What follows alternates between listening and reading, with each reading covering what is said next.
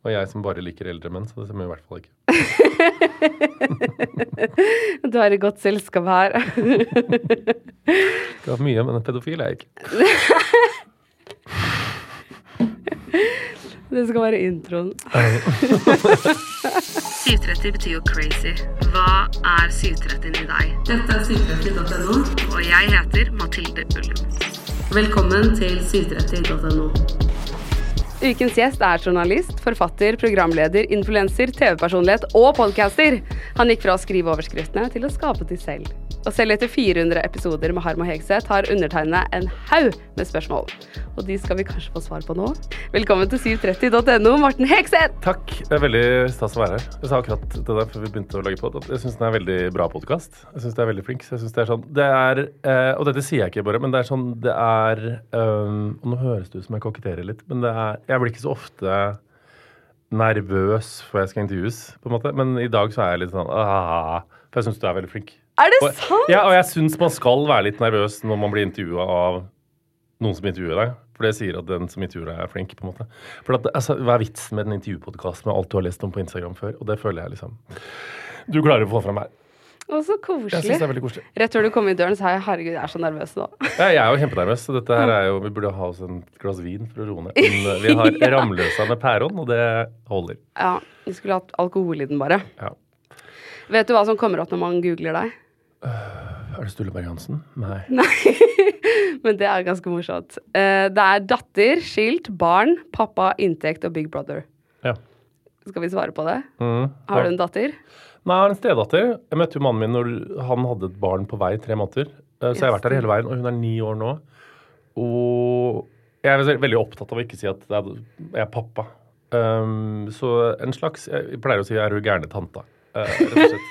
Men Kanskje et dumt spørsmål fra siden her, men Ja. er du ikke teknisk sett en far? Du har vært der hele veien. Jo, men jeg, jeg er ikke så opptatt av å si sånn 'Å, jeg tvinger meg på som pappaen hennes', på en måte. Jeg vil heller at hun skal føle altså, Jeg elsker henne like mye som hun er dattera mi, men det er ikke sånn 'Å, jeg er pappaen din', fordi at hun har jo en pappa og en mamma. Og folk kan ha flere fedre.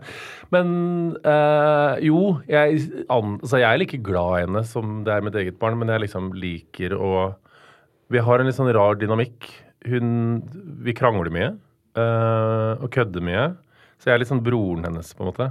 Og foreldrene hennes er veldig flinke til at hun ikke skal være på sosiale medier. Fordi at de mener at barn skal skjermes.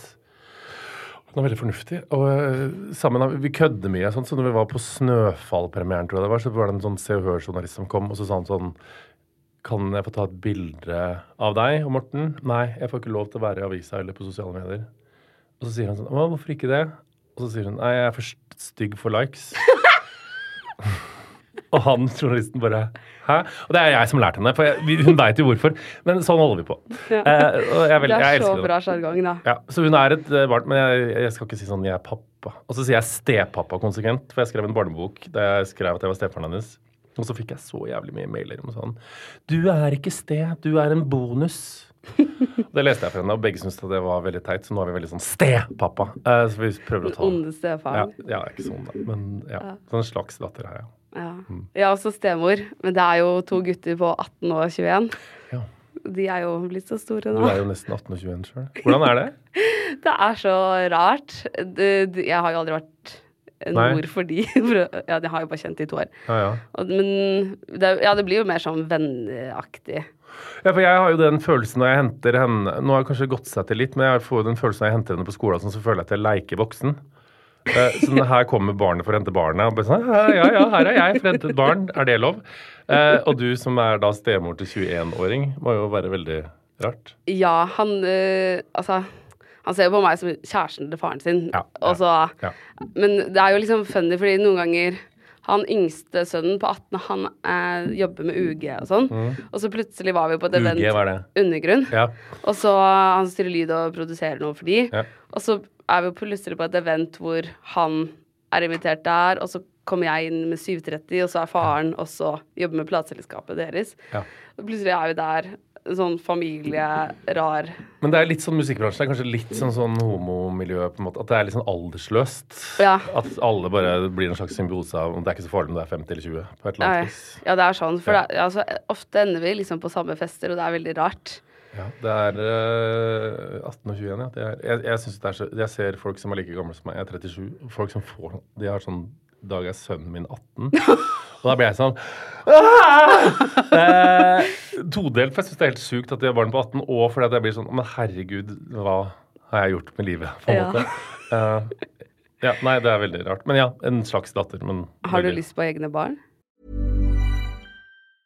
Life is full of awesome what ifs, and some not so much, like unexpected medical costs. That's why United Healthcare provides Health Protector Guard fixed indemnity insurance plans to supplement your primary plan and help manage out of pocket costs. Learn more at uh1.com. Quality sleep is essential. That's why the Sleep Number Smart Bed is designed for your ever evolving sleep needs. Need a bed that's firmer or softer on either side? Helps you sleep at a comfortable temperature? Sleep Number Smart Beds let you individualize your comfort so you sleep better together. JD Power ranks Sleep Number number 1 in customer satisfaction with mattresses purchased in-store. And now, save 50% on the Sleep Number limited edition Smart Bed for a limited time. For JD Power 2023 award information, visit jdpower.com/awards. Only at a Sleep Number store or sleepnumber.com.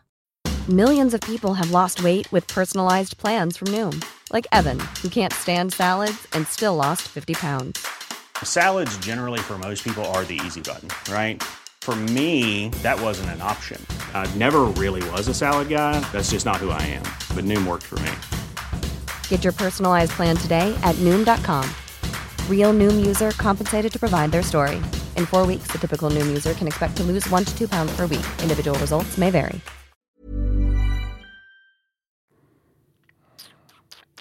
Ja, det har jeg. Eller Du var jo med i eh, den serien til Else hvor dere snakka litt om Vi snakka det. litt om det. men Da var jeg på en måte, da var med på kødd, men så har liksom tanken har modna seg litt. Men jeg er ikke, nok ikke sånn Folk som sier de har lyst på egne barn Det er veldig mange som er sånn Jeg må ha barn for å på en måte ha et bra liv. Jeg har jo et barn. eh, Jeg har Tine, og så har jeg Olaf, som er hunden min, som jeg kaller sønnen min til Vegards store forferdelse. Um, jeg, er trist, jeg er like glad i han som Tix er i katta si, på en måte. Uh, jo. Jeg bare ser Ja, jeg, Ja, det er patetisk. jeg, Eh, veldig- jeg syns det er så søtt. Ja. Jeg Og du går rundt og bærer den som en baby, liksom. Ja, ja, og jeg sa til Anders i går, så sa jeg sånn Tror du at hvis hunder ble 80 år, at folk hadde fått hunder istedenfor barn? For det Hæ? For jeg, det hadde jeg. Um, så jeg er veldig glad i den. Men uh, jeg, jeg har litt lyst på egne barn. Men det er av en veldig sånn rar grunn, fordi at jeg uh, har litt sånn dødsangst, på en måte. Uh, den har blitt litt bedre med åra, men det er noe med at og Den grunnen her høres litt sånn rart ut, men jeg bare føler at folk som har barn, uh, når de dør, på en måte, så er det noen som lever etter de, og det er på en måte henger bilder av deg i gangen, og du er en videre del av det, og det er liksom alltid en tom stol på julaften, og folk minnes deg, du lever videre i noen andre. Du er der, men ikke er der. Jeg føler at når du ikke har barn, og det tenker jeg jo, det er ganske sånn stygt sagt, egentlig, men sånn, hver gang jeg leser om folk som dør som ikke har barn, så tenker jeg sånn, å ja, der var sikringen tatt ut for alltid, på en måte. Det er ikke noen flere spor etter det. Og det er jo en veldig egoistisk grunn til å få barn, for at du har lyst til å leve videre etter at du er død.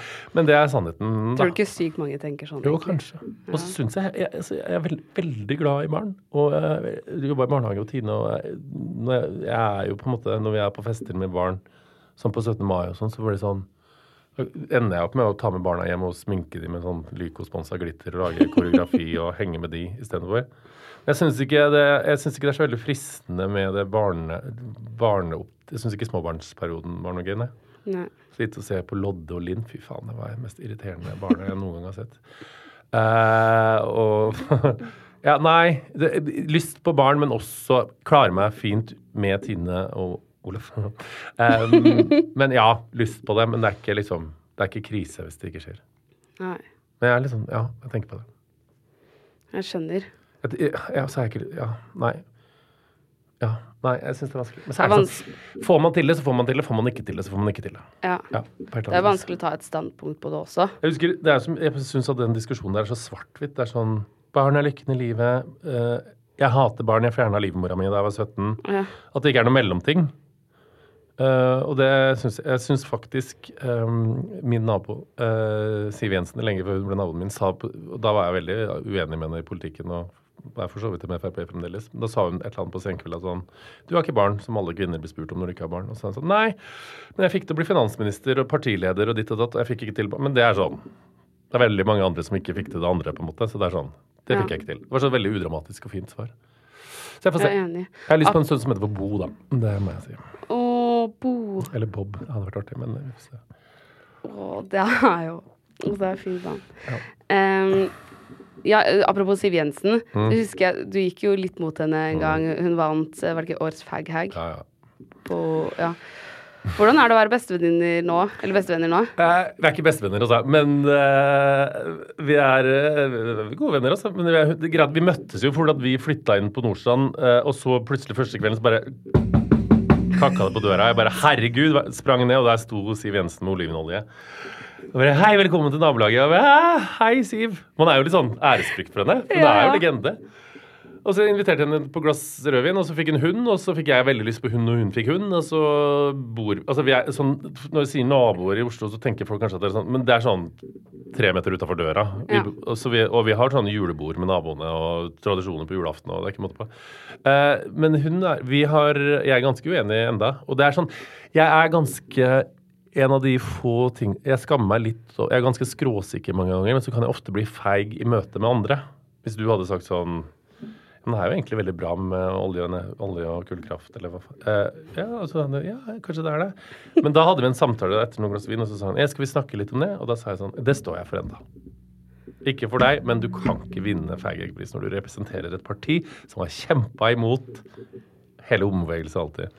Ja, ja, ja, ja. Så lo vi etterpå. Og hun har skrevet bok om at hun syns det var vanskelig å stå for de tinga der. Så hun mener jo ikke det. Så, men ja. Ja, ja, ja. Men det, vi klarte å komme oss over det. Jeg husker hun var eh, på vei inn i et bryllup Mm. hvor det var to homofile som eh, giftet seg. Terje tror jeg. Ja, Og så ble hun intervjuet utenfor og sa hun ja, nei, jeg er jo ikke for dette, da. Og så Ja, Det tror jeg hun ble tvunget til å si. Ja, Mm. ja, fy fader. For hun er jo Hun har, jeg tror hun bare kjenner homser, nesten. hun er veldig snill. Hun, er, hun har gode meninger på det Ja. nå. Men representerte et parti som ikke hadde Ikke hadde det beste synet på det. Ja. Shit. Ja, skilt, det er du ikke. Nei, men jeg tulla mye med det i poden. Har dere snakka om det? Nei. Nei. Det har aldri vært Det har aldri vært et tema. Nei. Far, det har du. Jeg er en far, ja. Ja, absolutt. Men du snakker mye mer om moren din. Ja, jeg gjør det. Og pappa er egentlig sånn Anders sier alltid som er gift med at pappa fortjener litt sånn oppreisning, for pappa er veldig kul. Og jeg snakker veldig mye mer om mamma. Men pappa er fantastisk og gøyal og morsom og verdens snilleste. Han Jeg og mamma er mer lik, på en måte. Eh, pappa er Jobba på plattform, er pensjonist og bygger hus og skjønner ting og er god og fin. Han er veldig, veldig bra. Så jeg har en pappa som jeg er veldig glad i, som heter Thomas. Så het han Han het egentlig Thomas Ludvig Hegseth. Og så hata han det Ludvig-navnet, som ble sånn oppriktig sur når det kom brev i posten der det sto Ludvig. Og så sa jeg det, og så fjerna han det navnet. Og det angrer han for i dag, så jeg har også en lyst på en sønn som heter Ludvig, da. Men ja, vi får se om det blir tvillinger. Mm, Ludvig og Bo. Ludvig og Bo, det er fine navn. Ja, det er veldig. Inntekt. Den har blitt høy. Det, ja. Ja. Jeg tror det står på proff. Jeg tror jeg tjente seks millioner i fjor. Fy fader, det er mye penger. Det er mye penger. er det gøy? Ja, men det er liksom Greit, jeg er jo sammen med en økonom som er liksom økonomisjef i norske forsvaret. Ja. Og som har vært sånn CFO i den største Så han er veldig opptatt av å si at det ikke er mine penger, men bedriften sine. Og jeg bare Fy faen. Eh, Hvem eier bedriften? hvem eier bedriften? Men ja, han har rett i det, så jeg tar ikke det ut så mye. Og jeg ser ikke så mye til de pengene egentlig, men det er deilig. Jeg syns jo det er Men du bor i et hus på Nordstrand og kjører på en. Porsche Nei, og Porsche slutter jeg med. Hæ? Ja, jeg hata det.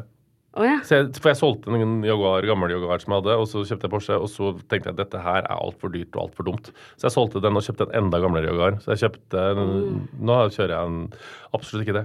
Men det er deilig å ha Jeg syns det er fint å Uh, Eller jeg veit at jeg er veldig heldig som slipper å tenke så mye på penger. Uh, men så er jeg veldig dårlig på alt sånn som har med liksom brev og inkasso og sånn å gjøre. Så da måtte jeg, jeg, Mamma har fått ansvaret for det. Så jeg sender alle brevene mine til mamma. Så deilig. Ja. Men hvorfor tar ikke mannen din det? Han har jo en toppjobb på en måte som skal slippe å betale liksom, inkassoregningene mine på trafikk uh, Altså så- sånne ting. Eh, og så kan man synes mamma det er kjedelig å være pensjonist, så hun får litt å gjøre òg. Så hun jobber litt på en måte i firmaet. Eh, men det er er veldig heldig. Og så syns jeg også at det er litt sånn Jeg var jo veldig Jeg mener Jeg var veldig sånn Jeg var jo medlem av Rød Ungdom og sånn da jeg var tenåring og øh, Egentlig ganske Nå håper ikke Vegard hører det her, men jeg, egentlig så er jeg sosialist. Og syns at det er helt tull å tjene så mye penger. Og så er det noe med at sånn Jeg, jeg veit ikke. Så det, det, Men sosialister liker vel også dyre merker? Absolutt. absolutt. Men eh, jeg kunne godt ha på en måte En gang så skal jeg liksom gi tilbake til noe. Jeg prøver å på en måte Altså, jeg, jeg har sånn fasttrekk på alt sånn alle sånne organisasjoner og kreftforeninger og så, Ikke at det no, ikke, ja, Men jeg prøver Jeg, veit ikke. Jeg syns det er for mye penger. Ikke, Du er, du er en liten sånn mental spagat. Det er sånn man har Det, er- det er gøy, ja. og man er stolt av at man tjener mye, om du jobber hardt. Ja, ja. Og så, men så er det jo den Og så litt flaut, på en måte, når sykepleiere tjener 600 000 og øh, gjør en viktig jobb, mens jeg sitter og tjener 6 millioner for å snakke om Beyoncé og pikk i en podkast. Er det ikke du som har bestemt hvordan det Neida, det er sant, men det Og du har jo tatt noen valg som Ja da. Og jeg jobber, ikke- jeg jobber jo altfor mye. Så, uh, men det er veldig hyggelig å tjene uh, masse penger, ja. ja, Ja. En, en eh, sykepleier kan vel kanskje gå på Stavernfestivalen uten å bli dratt i alle kanter. Det kan vel ikke du? Nei, det er sant. Det er sant. Men det er ikke Det, det er ikke det, det, fortjener ikke seks millioner. men det er hyggelig. Det er hyggelig. Og så får jeg mulighet til Jeg har blitt så glad i å kjøpe klær. Dyre klær. Og det er jo en sånn guilty pleasure som jeg har. Så det får man jo på en måte Ja, du er på hils med Bottega Veneta. Ja, jeg har en egen dame. Jeg, jeg, så jeg er glad Jeg, jeg liker Jeg er alt, blitt altfor glad i å kjøpe klær. Og så trøst, Greit, jeg er så teit, for jeg driver og trøster meg med sånn Ja, men det er i hvert fall ikke fast fashion. Det er ikke Hennes Møyes og Sara og de for, så Det er sånn Jeg driver med sånne argumentasjonsrekker i hodet mitt eh, på det. Så det er veldig fint. Hvordan ser klesskapet ditt ut hjemme?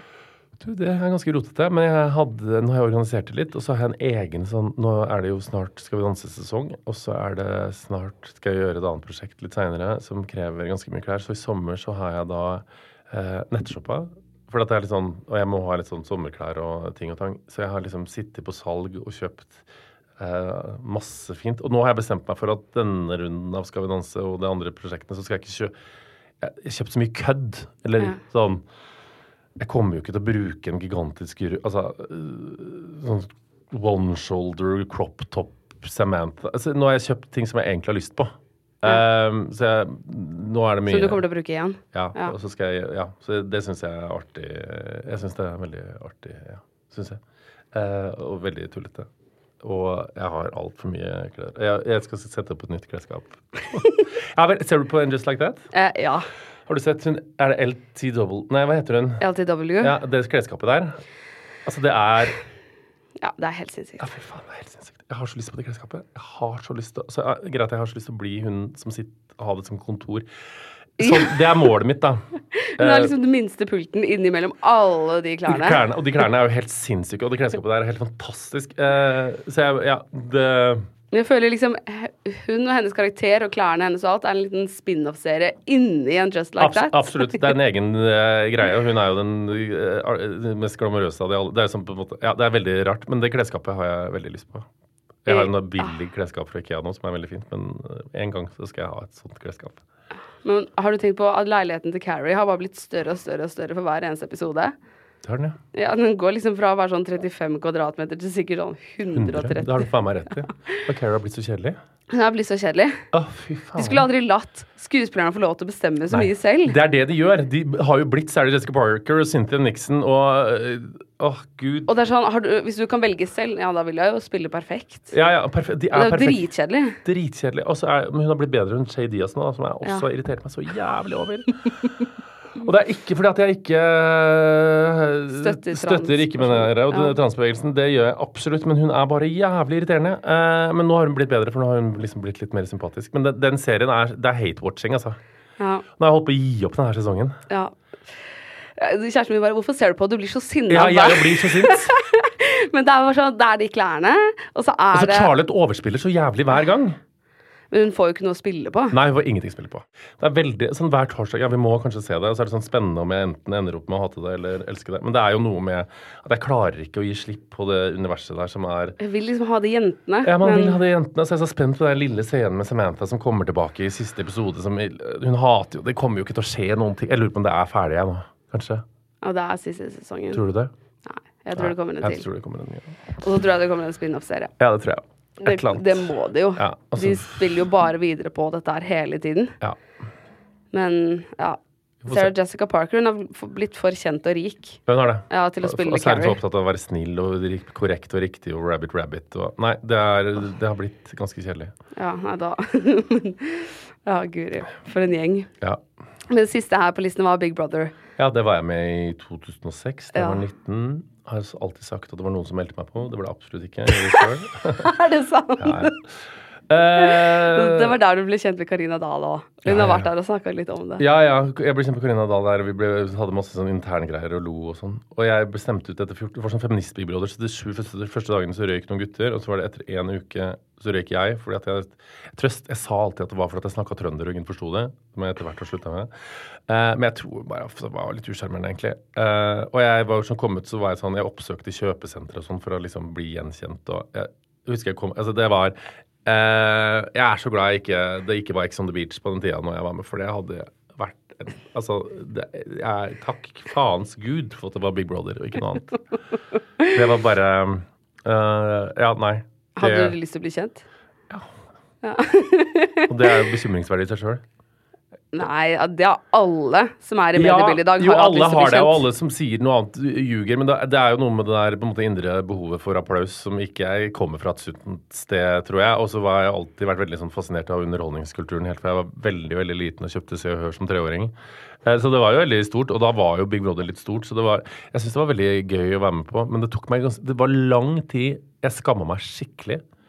Sånn i flere år, når noen bare nevnte Big Brother, så jeg var sånn, ikke si det. Um, og så fikk jeg, jeg husker jeg fikk sånn renselse når jeg var som Henriette, Henriette Stensrup og Espen Eckbo i trygdekontoret med Thomas Seltzer for sånn 10-12 år siden. Og da snakket vi om det. Og etter det så har jeg klart å snakke om det. Men det var sånn, sånn verkebyll i flere år. Uh, men nå du bare håpte folk ikke visste det omtrent? ja, ja, ja. nei, ja, ja, det var helt jævlig. Men nå står jeg for det. Det er jo så gøy. Ja.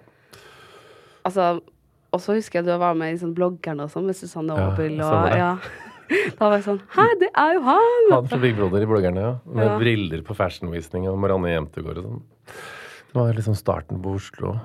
Nei, Ja. Det var øh, gøy. Det var, det var noe Oslo Nights og sånn, husker du det? Nei, det er sikkert for ung, du. Hva var det for noe? Det var sånn type sånn en blogg der de la ut bilder av folk fra byen, og hvis du havna der, så var det skikkelig kult. og- Oh, ja, ja, ja, det var liksom Page ja, Six-opplegg. ja, Ja, ak aktig. Um, så det var Men sånne sider blir jo alltid tatt ned. Ja, det blir alltid tatt ned. Eh, det var liksom Det var nesten like kult som 730 en periode, men eh, Eller sånn Stureplans Ja, så, men han havna der, da. Og det var artig. Men fikk være med litt i bloggerne også, det. Jeg pynta meg masse for å være med der. Og så var du journalist i Se og Hør. Ja. Altså, du har vært med liksom fra Nei, egentlig så var første greide, Første var Jeg var sommervikar ved VG Rampelys i 2007. Det var der jeg begynte, og så var jeg der i to år. Så var jeg Se og Hør i to år, og så var jeg Nei, Se og Hør. Og så var jeg Natt og Dag i ett år, og så var jeg Se og Hør i to år. Tilbake til VG, TV 2, VG, TV 2, VG. Så det er sånn Ja. jeg holdt på. Shit. Ja, så var det sånn, Jeg begynte i Natt og Dag som redaksjonssjef og jobba der med masse kule folk. Peter Amdam, som dessverre gikk bort for uh, noen år siden. Og det var liksom Og da var det sånn Det husker jeg var sånn ordentlig sånn Oslo-kvern. Det en sånn ung, frynsete fyr, og de var så kule og kjente alle. Og Ja, det er det kuleste i hele ja, Oslo. Brochmann og Ja, det var jo det kuleste i hele Oslo. Å, gud, jeg var så redd. Eh, men også var lærte masse og sånn, da. Så jeg var liksom der, for jeg var i Se og Hør, og så kjente jeg sånn Jeg savner pulsen fra liksom VG og sånn. Så var jeg tilbake dit, og så ja, litt sånn fram og tilbake mellom VG og TV 2. Men jeg føler du er den personen i Norge som vet mest om alle. Men alle tror det. Men vet du, hva, jeg mista det grepet der, altså. Det er det som er så synd, fordi jeg var veldig sånn før. Og veldig sånn, visste alt og sånn, men nå har jeg sånn Jeg veit ikke om det har noe med at jeg har blitt eldre, eller om at jeg har liksom blitt paranoid fordi at jeg liksom har blitt litt kjent sjøl. Så jeg liksom logga av alle sånne apper og sånn. Uh, Jodel og sånn. ja, aldri Ja, vært det er jo lurt å ikke være der, da. Uh, Så jeg, jeg veit overraskende lite om folk. For jeg hører litt her og der, men jeg tror ikke jeg veit så mye mer enn deg, faktisk. Tror du ikke? Nei, jeg tror ikke det. Sånn, I dag, når de presenterte Skal vi danse-kassen, det skal være dommer, jeg visste ikke hvem som var med. Det gjorde ikke jeg heller. Nei, men jeg burde jo kunne ha sjekka det, på en måte. Ja. Men det er noe Jeg veit mye Spør meg om Oslo 2000, 2010, på en måte. Uh, der er jeg god. 2015. Men etter det Jeg har mista grepet litt, altså. Det er nesten så jeg liksom Men jeg får jo vite litt her og der. Men det er sånn Jeg veit ikke. ja, men du, har, du får vite ting med en gang du vil. Ja. Det, Men jeg er mindre nysgjerrig. Jeg veit ikke hva det er. Mamma blir så skuffet. Mamma sender meg melding hver gang det er sånn anonym kjendis. Jeg bare, jeg veit ikke, jeg veit ikke, jeg vet ikke. Um, så jeg, jeg må skjerpe meg litt, rett og slett. Det er jo der jeg arva det fra. Så uansett hvis det er sånn hvor det kan være så grovt som bare det, så er det sånn artist tiltalt for, for ja, det ene er bare Hvem? Hvem? Si det! Som om det er gøy. Eh, og jeg, jeg er jo enig, men eh, jeg bare mista litt sånn grepet på Er det fordi du kjenner alle så godt? Og så, altså, kanskje de blir mindre kjedelige Eller blir mer kjedelige når du kjenner dem? Kanskje, altså, Jeg tror det har litt med alder å gjøre. Spør deg når du er 38. Jeg lurer på om du kommer til å kjenne om Kanskje. ni år. Jeg tror det er aldersgreie. Jeg hater å si at det er sånn aldersgreie. Men Men også ser man jo hver gang det kommer en ny skandale, så ser man jo det går jo over. Ja, det Og så det. blir det jo litt glemt. Så blir man kanskje litt sånn på en måte, Man kjenner litt på det sjøl og hvordan det er og At man blir litt sånn sensitiv på egne vegne og ikke vil vite for mye. For at det blir litt sånn Jeg veit ikke. At, jeg vet, ja, det, det har på en måte Men, Noe har skjedd der. Men så er det jo så For du og Vegard har jo den podkasten, ja. og da snakker dere jo mye om kjendiser. Ja. Og nå er det jo mange av de blitt vennene deres. Ja. Er det vanskelig å kunne snakke om ting da? Ja, og det har på en måte gjort podkasten litt dårligere i perioder, syns jeg. Eh, og så har man måte fått sånn gutsen opp igjen. Men så er det noe med at sånn Man blir jo bundet, for man kjenner veldig mange av de som står i stormer. Og man, så kan man på en måte Man har ikke lyst til å henge ut venninna si. Det er jo råttent gjort for å lage godt innhold. Så kan man jo Men så er det noe med å på en måte Som jeg ikke alltid er så god på, men at man kan beherske Man kan snakke om det uten å liksom trakassere de, på en måte, og uten at de blir sure. For alle som er i en bransjen her, vet jo at det er Det er jo sånn det funker. At vi snakker er om hverandre, din, hverandre. og det er jobben vår. Så det, det kan være ganske begrensende noen ganger, ja. Og det er sånn, jeg kjenner nå at det er sånn Uh, At det begynner å bli på tide å gi plassen til noen andre. Oi! Ja. Nei. Nei, men jeg sier ikke liksom, jeg har meg ikke på den nødvendigvis, men at det er sånn Jeg syns det er på tide at noen unge eller jenter gjerne tar over plassen som sånn underholdnings-TV og sladd Jeg syns det er at man på en måte Det er noe Man må ikke Men at dere kan få lov til å være Harm og Hegseth som Ja. snakker om hverandre, Ja, det- mens noen andre snakker om kjendiser. Ja, så er det noe med at det er ikke så sjarmerende når en 40-åring sitter og sladrer om Oslo-kjendiser, på en måte. Det er bare at det, går Og det handler jo litt om latskap òg, men det er bare et eller annet med sånn at man må også kjenne sin plass, og så er syns jeg sånn bare Ja, jeg syns at den plassen burde gis til sånn to feisty jenter, på en måte, som er litt kule. Som for eksempel du er ganske god på å ta over med denne her podden. Ikke at det er sladring, da, men at det har noe med å slippe andre til og innse at liksom Man Glansdagen var over. Det er det jo i hvert fall ikke. Jo, det er det. Nei. Men ja, det har jo vært noen celebre middagsselskaper hos deg. Jeg lurer sånn på hvordan det er. For der har du liksom Siv Jensen, Emilie Stordalen, Vegard Harmin Avrolsen Um, Hvem ja, flere pleier du å ha der? nei, det er ikke så mange hjemme, men jeg har hatt litt sånn middagsselskaper, vært i en del av det, og jeg tror sånn Jeg Da er det Men det kan være litt sånn det er jo som en vanlig fest, på en måte. At man blir fulle og drikker og spiser og sladrer og Det er noen middagsselskaper der sånn Jeg er også litt sånn glad i å liksom sette opp middager med folk som ikke kjenner hverandre. Som jeg har gjort, absolutt. eh, med Dere er liksom alle liksom Og da er det artig, og samtalen går, og, eh, og da er jo veldig sånn Vegard veldig deilig å ha som et slags sosialt på en måte unikum. For han må liksom Han har jo Og passer inn hos alle. ja, inn hos Alle så er Han eier ikke ærefrykt, på en måte, så han kan si hva som helst og bare Han slapper helt av. Da han var på ridetur med Martha Louise, jeg Ja, ja. holdt på å dø. Altså, han er helt rå. Han er jo nesten motsatt. Altså, han er jo nesten, jeg er veldig sånn, prater med folk og er hyggelig og sånn, men hans, han, hans approach er at nesten ikke hilse på dem. For han skal ikke, altså, han skal ikke liksom plage dem med sitt nærvær eller liksom eh, stresse dem med å være liksom for formell. Um, så, så der, fyller, der er vi ganske sånn Jeg tror vi fyller ut, hverandre ut ganske greit. Um, Blir du nervøs for hva du skal servere og Nei, sånn? nei, nei. Men jeg, jeg serverer aldri middag. Det får Anders gjøre. Jeg hater å lage Ja. mat. Så det er sånn, og da er det sånn Jeg kan de gangene, Noen ganger så har vi hatt det andre steder, og, uh, og jeg er bare opptatt av at folk skal ha det hyggelige, og at uh, det skal være liksom nok i glasset, og toalettet skal være rent. Jeg har veldig fobi mot den keramikkrenna mellom lokket og veggen. For jeg har vært hos noen der det er sånn tisseflekker med støv oppå. Eh, Ja. og jeg var det for sånn 15 år siden, og det har brent seg fast i minnet mitt. Og det er liksom det ultimate tegnet på forfall. Så jeg er sånn Jeg går og skrubber Noen ganger så jeg- det kan ta Så, det, så lenge doen er rein, det er nok vin i glasset, og maten er, det er uformelt, så og folk hygger seg. Og det er sånn Det kan være sånn folk kan komme over i pysjen og sånn på middag. Så sitter man og slarver, og så Nei, jeg, jeg er ikke så veldig glad i sånn Anders er mer formell enn meg. Jeg hadde nok Jeg er mer, kunne ha servert gryterett, på en måte. Ja. Eh, og takeaway-pizza, som jeg også har gjort. Jeg blir veldig stressa av å lage mat, dessverre. Ja. Er du god? Absolutt ikke. Nei. I det hele tatt. Nei, nei, det skjer ikke. Jeg har liksom bestilt fra Dinner noen Ja, er ganger. det, ja. ja, og bare satt det opp i nye skåler, Mm. så er folk imponert. Dinner er faen meg det beste som fins. Ja. Og de ser bare bra ut. Ser ut som man har gjort, stått på kjøkkenet hele dagen. Men uh, Stjørdal Stjørdal Stjørdal.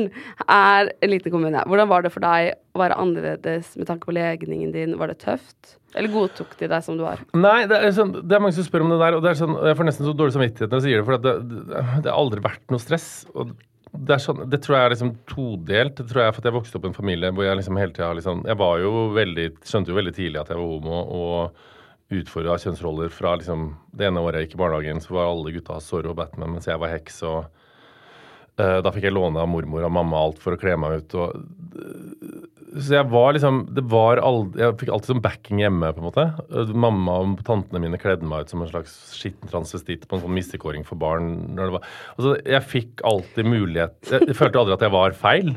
Eh, pluss at jeg fikk noen venner når jeg var 14 som lærte meg om da var det sånn feminisme altså feminisme og Fittstim og Simone de Beauvoir og kjønnsroller, og at man skal utfordre det at gutter ikke bare er gutter så lenge de går i ja, rutete skjorte og hører på mekkebil, men at de også kan ha skjørt og eyeliner. Så jeg liksom, tror det er en kombinasjon av å ha en sånn trygghet hjemmefra der jeg alltid blir backa for å heller ville snakke om følelser enn lastebiler, og at jeg liksom ganske tidlig i tenåra ble interessert, for, interessert i liksom det å utfordre kjønnsrollene, gjorde at altså, jeg har aldri hatt noe problem med det. Aldri. Og hver gang folk sier sånn og sånn er jeg enda. Jævla homo. Og det var jo absolutt noen som gjorde det. Da er jeg sånn ah, Taper, på en måte. Ja. Det er det ikke håp for. Så det har aldri vært ett eneste problem. Og det er nesten så jeg føler meg sånn usolidarisk for å si det, for det er jo veldig mange som opplever det vanskelig. Men jeg har null problemer med det. Så bra. Og jeg elsker å være homo. Altså, det er sånn altså, Hvis noen hadde sagt sånn, ta en pille her, så blir det hetero. Ikke faen, liksom. Um, så det er det er sånn, Jeg tror jeg er liksom trygghet hjemmefra og masse kule venner som Der vi snakka og lærte oss om feminisme og hørte på Patti Smith i stedet for å danse til Britney og gå på Unge Høyre-samling. Men det er mange som har traumer fra det, og som ofte bruker det liksom for å kjempe på homobevegelsen og det skeive Ja. miljøet. Men du har jo ikke hatt det. Men Ja, jeg tror nesten det er motsatt. Jeg tror nesten at sånn grunn Altså, jeg, sånn, jeg, når jeg liksom fikk jeg fikk jo lov til å være heks i barnehagen, på en måte. Og det var sånn, det, alle gutter burde få lov til å være heks i barnehagen. Det se hvor lett det er. At jeg fikk nesten en sånn, sånn selvtillit og styrke fra den støtten jeg fikk hjemmefra, og det jeg lærte meg etter hvert i å tenke sånn Denne kampen skal jeg ta. For jeg var sånn, og jeg er litt sånn usjarmerende skråsikker når det kommer til de spørsmåla. Jeg, jeg er ikke oppe for noen diskusjon, altså. Det er sånn Ja, men kanskje hun Nei, du, det Altså, der er jeg der er jeg sånn Jeg er helt ganske kompromissløs på det. Selv om jeg på ingen måte mener sånn etter f.eks. skytinga etter pride, og sånn, så var det nesten som å snakke om at liksom kritikken mot pride var en medvirkende årsak til altså at, at hat avler hat, på en måte. Og det kan jo for så vidt være sant. Jeg mener ikke at liksom pride-bevegelsen og homofile og transbevegelsen er en hellig ku du ikke skal få diskutere. Det skal diskuteres, problematiseres, men så lenge folk er snille og la de elske den de vil, eller være den de være, liksom. Du, har du lyst til å være han i stedet for hun i passet ditt, så faen, hvem faen bryr seg? Eller hen? Altså, det er sånn, ingen blir skada. Jeg bare skjønner ikke hvorfor folk har så mye sinne i seg og bruker så mye tid på å engasjere seg rundt det, når det ikke skader noen. Selv om jeg tror at det kanskje handler om at liksom mange føler at sånn jeg vet ikke, den fell, det leirbålet som samfunnet hadde, at vi samles rundt noe. Altså, før så var det liksom TV-programmet vi så på, eller CD, CD-er vi kjøpte på Hysjers for at det var det eneste alle hørte på, eller vi hadde samme Facebook. Men nå er liksom alle, alle har forskjellige algoritmer, vi hører på forskjellige Vi har ingenting til felles, så kanskje da på en måte kjernefamilien er Det siste veldig mange føler er sånn Det er det vi har igjen, og, hvis, og de føler at vi er en trussel mot det og skal liksom oppløse det og liksom spise opp de heterofile. Det er ikke det som er svaret, selv om det er litt artig at de tror det. Så jeg tror kanskje folk er litt redde. Men jeg var på Snakker jeg veldig mye? Det er en podkast. Jeg var på et foredrag med Sasha Velour og Toril, hun kunstneren på Munch-museet under Pride, og da sa han um, at sånn Ja, de skriker veldig høyt, men det er ikke så mange. De er bare veldig desperate, og det høres ut som det er mange, men det er liksom Det er bare så høyt, for de er så redd, og at det er liksom Han uh, trodde at det var siste gangen at det kom en sånn backlash i homokampen, fordi nå er det for seint. Vi er for mange og har for mange støttespillere, så du kan få skrike og skråle så mye de vil, men liksom, kampen er allerede vunnet på et eller annet Ja. vis. Tror du ikke de sitter på en sånn lukkede Facebook-grupper Ja, og altså, bare sykt. sier nå bomber vi det kommentarfeltet, eller nå tar vi det, eller nå tar Ja, vi det, og bare angriper det sånn at det blir så massivt? Jeg tror algoritmer er mye av grunnen til det. Altså hvis, jeg søker, altså hvis jeg tenker på en grønn jakke nå, så har jeg jo en grønn jakke på Facebook-feeden min når jeg kommer ut der. Altså det er jo som Hvis du søker på um, Pride er dumt, så tror jeg at det er det du får opp på nettleseren din konstant. Og da Kanskje du da tror at dette er liksom massemedia, at det er liksom sånn verden er. og at det at det også er en stor del av problemet, på samme måte som at jeg får opp det jeg tror på er veldig mye i feeden min. Så jeg tror liksom kombinasjonen av å mangle et slags felles samlingspunkt og algoritmer er liksom grunnen til at veldig mange Så jeg så jo, jeg skrev en barnebok for mange år siden om Tina og det magiske speilet, om hun jeg er stefar til. Eh, og da var det sånn, da fant jeg den boka inne på en sånn nettside der han var en sånn fyr som kalte meg ypperste satanistprest av homolobbyen. Eh, skrevet i Insta-videoen min.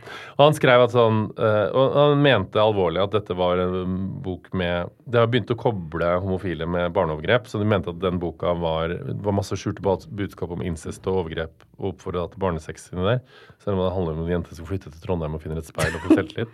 Du kan finne hva du vil hvis du bare leter etter ja, altså, det. ja, det var noen tegn i det, det grafiske, og det, det dro tilbake til vikingtida. Altså, og jeg var sånn Fy faen, dette er så, så så jeg sånn 587 kommentarer og tenkte jeg, nå har folk kommet og sagt nå må du inn på Gaustad, kjære far. Men det var 587, og absolutt helt enig, og det var ikke måte på. Eh, så jeg var sånn Ja. Eh, så det fins jo, ja. Absolutt. Eh, Med barnebok ja, ja, ja. Og det er så gøy. Det var sånn eh, pedobok og jeg om bare å flytte fra Trondheim. Ja. Det var veldig rart. Og jeg som bare liker eldre menn, så det stemmer i hvert fall ikke. Du er i godt selskap her. Det hatt mye, men en pedofil er jeg ikke. Det skal være introen. Ja, du spurte meg jo om vi skulle ha en research-samtale. Ja. Og jeg sa nei. Ja, For jeg har ikke hatt noen research-samtale med deg. Nei, det er bra, har det med noen synes- andre. Hvem da? Moren din. Er det sant? ja. Å, herregud. Så hun har fortalt litt historier. Oi. Vil du høre? Skal Ja. jeg lese de, eller vil du fortelle de selv, eller? Du kan begynne. Ja, så kan du fylle ut. One size fits all seems like a good idea for clothes until you try them on. Same goes for healthcare. That's why United Healthcare offers flexible, budget friendly coverage for medical, vision, dental, and more. Learn more at uh1.com. I'm Sandra, and I'm just the professional your small business was looking for. But you didn't hire me because you didn't use LinkedIn jobs. LinkedIn has professionals you can't find anywhere else, including those who aren't actively looking for a new job but might be open to the perfect role, like me. In a given month, over 70% of LinkedIn users don't visit other leading job sites. So if you're not looking on LinkedIn, you'll miss out on great candidates like Sandra. Start hiring professionals like a professional. Post your free job on linkedin.com/people today. Hey, it's Ryan Reynolds, and I'm here with Keith, co star of my upcoming film, If, only in theaters, May 17th. Do you want to tell people the big news? All right, I'll do it. Sign up now and you'll get unlimited for $15 a month in six months of Paramount Plus Essential Plan on us. Mintmobile.com slash switch. Upfront payment of $45 equivalent to $15 per month. Unlimited over 40 gigabytes per month. Face lower speeds. Videos at 480p. Active Mint customers by 531.24 get six months of Paramount Plus Essential Plan. Auto renews after six months. Offer ends May 31st, 2024. Separate Paramount Plus registration required. Terms and conditions apply if rated PG. Han har i hvert fall ingen stedsans. Husker en gang han skulle i konfirmasjon og tok toget til Kongsvinger i stedet for Kongsberg. Og kom litt seint. Altså, jeg har ingen stedsans. Altså, det er helt krise. Og da var jeg sånn kjempeforsinka fra Jeg tror jeg var på Gullruten òg, så var jeg forsinka. Og, skulle- og da var jeg sånn, nå er jeg framme, bare Kongsvinger, Kongsberg Altså, jeg er helt Jeg kan gå ut av et rom her, du må vise meg hvor jeg skal ut og sånn. Jeg har ingen stedsans i det hele tatt. Å, shit. Ja. Så det, du var, du kom i en annen konfirmasjon, du? nesten. Ja, ja, det, var, det er helt krise. Så jeg er veldig sånn surrete av meg. Hvordan har det vært å flytte så mye? Du har jo flytta til Trondheim og tilbake igjen. Og... Ja, altså Trondheim og Oslo kan jeg jo, men enda så veit jeg ikke sånn hvis folk sier sånn kom på Bjølsen, så det, det Altså når jeg gikk hit i dag, så går jeg på Google Maps. Ja. Uh, så det er jo Jeg er helt håpløs, og det er nesten så jeg bruker uh, GPS-en og kjører til Matkroken på Bråten fra hjem. Uh, Som er rett ved Som er rett ved, ja. er- Nå har jeg lært meg det, men jeg er elendig. Og det er sånn vi kjører til Trondheim og sånn, så veit jeg ingen Jeg har null stedsans. Det er helt krise. Eh, Det, hun sa også det er så mye morsomt med han, egentlig. Og så ruller det her. Han ringte en gang og Ringte en gang og Han ringte en gang og ba om hjelp pga. en punktering på et bakhjul på bilen sin. Og når pappa Thomas kom for å hjelpe, så viste det at han hadde blitt påkjørt bakfra, og bilen var totalvraket og ble kondemnert. Stakkar pappa. Ja, Du hadde er punktert, men hadde Nei, jeg hadde sikkert bare sagt punktert, for jeg liker å underdrive for at det ikke skal høres for mye ut. Og så var jeg totalvraka, og så liker jeg ikke å skuffe de, og så det underdriver alltid kriser, på en måte, for, og så får de heller ta det når det kommer. Det er litt sånn når du kunne komme ut av skapet, og så var jeg selvfølgelig bifil. Uh, for å gi, Ja. gi noen et slags håp. Ehm, så uh, ja, det stemmer det. Og pappa er jo sånn Jeg er jo helt hjelpeløs. Pappa var jo sånn uh, Og det er sånn Det sier pappa, men jeg, jeg blir så flau. For det var sånn jeg flytta til Oslo. Da hadde jeg en leilighet i 2008. Da var jeg vel strengt tatt 22 eller 23. Og da kom pappa med bussen fra Trondheim for å hjelpe meg å skifte sånn gasstank på grillen. Som var sånn klikk, klikk. Uh, jeg er helt Altså, jeg, jeg er så elendig på voksenlivet. Men jeg, nå har jeg liksom gjort meg sjøl sånn skal, Jeg må begynne å ta tak, og jeg, det, jeg er jo 37. Så det er sånn, det er sånn små seire som For eksempel nå så kjørte jeg aleine tur-retur Trondheim. Da var jeg sånn OK, nå nærmer vi oss voksenlivet. Det har jeg alltid sånn alt Det har du sånn- aldri gjort før? Nei, nei, nei. Sitter på. Uh, så nå skal jeg begynne å gjøre sånne ting som liksom Som det, da. Så jeg er ganske dårlig, jeg er ganske dårlig voksen. Du tjener jo seks millioner i året. Ja, jeg, er Så du er et barn med penger. jeg er et barn med penger, men jeg er på en måte heller ikke det. Men det er sånne små ting som det er Ting som ikke interesserer meg, klarer jeg ikke å få til. Det er som Pappa prøvde å lære meg at A delt på B ganger 2 minus undertøy er selvfølgelig 3,5 på en måte når jeg drev på med algebra. Men det er sånn, nei, det klarer jeg ikke å skjønne. Og da klarer ikke hjernen min å skjønne det. Så det er sånn, eh, Men jeg burde bli bedre på sånne ting. Det er eh, et slags forsett. Selv om jeg egentlig har sagt at jeg skal lære meg å spille gitar. Men ja, nei, vi får se. Gitar? Jeg, ja, jeg driver og spiller litt gitar. Sånn- Gjør du det nå? Hemmelig drøm. Ja, jeg, ja. jeg har alltid spilt Jeg kan tre akkorder, på en måte. Oi. Fingerspill og sånn?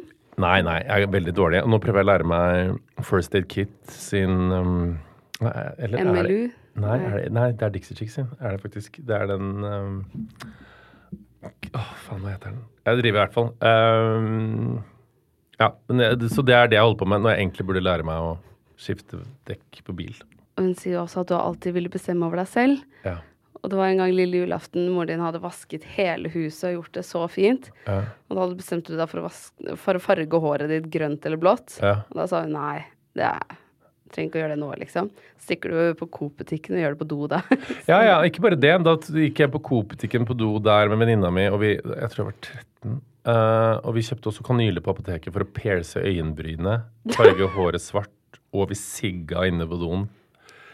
Folk, banka på, og jeg var sånn Fy faen, jeg sier Altså, det var helt sånn fordi at hun sa nei, da, men alle nei var på en måte en utfordring, da. Uh, som det for så vidt er fremdeles.